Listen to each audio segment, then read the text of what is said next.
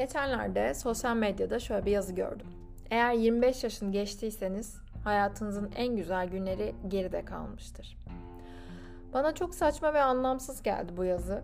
Belki yaşanacak en güzel günlerin henüz yaşanmamış olduğuna inandığımdan, belki de hayatımın en güzel günleri 25 yaşından sonra başladığından bilemiyorum.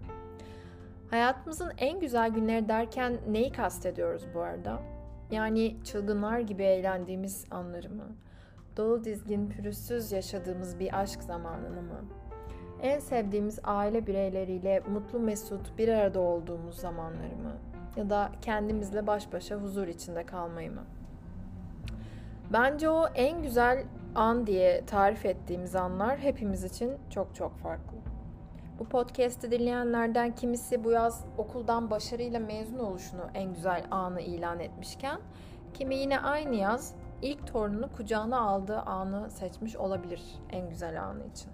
Bu sizin için bambaşka bir an olabilir. Bir de kafama şu takıldı. Hayatım henüz bitmedi ki. En güzel anları, en güzel günleri nasıl kıyaslayıp seçeceğim? Bunlar birkaç saniye içinde kafamdan geçerken gözüm yorumlara kaydı ve bazı insanların bu yazıyı ciddiye aldığını gördüm.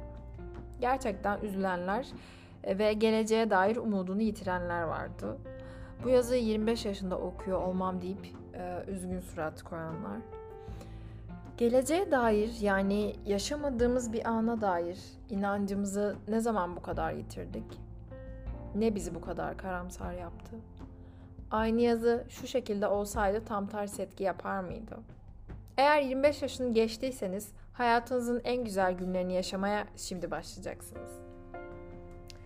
Bazı sayfalar acının tiryakisi olmuş gibi sürekli bu depresif ve moral bozucu içeriklerden beslenip bu duruma yatkın olan insanların da radarına kolaylıkla girerek hedef kitlesini büyütüyor diye düşünüyorum. Evet 25 yaşına kadar kaçırmış olabileceğimiz çok fazla güzel an var. Sevgi dolu bir evde çok mutlu çocukluk anları. Hiçbir şey düşünmeden dilediğimizce oyun oynadığımız anlar. Sorunsuz ve çok cool geçmiş, hatta bir sivilce bile çıkarmadığımız bir ergenlik dönemi. Başarıdan başarıya koştuğumuz bir eğitim hayatı. Şahane yurt dışı seyahatleri.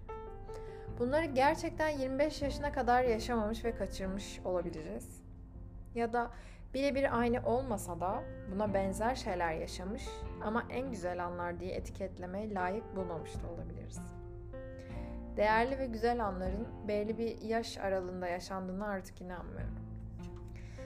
Benim için köpeğime sarılıp sıcaklığını ve kalp atışını hissettiğim bir an çok kıymetli. Bir yerden dönerken gün batımına denk gelmiş olmak, arabada çalan keyifli bir şarkı, camı açtığımda o rüzgarı gerçekten hissedebilmek. Yağmurlu bir günde sinemaya gitmek, çıkıp serin havada sıcacık bir kahve içmek. Denizi seyretmek bazen dakikalarca.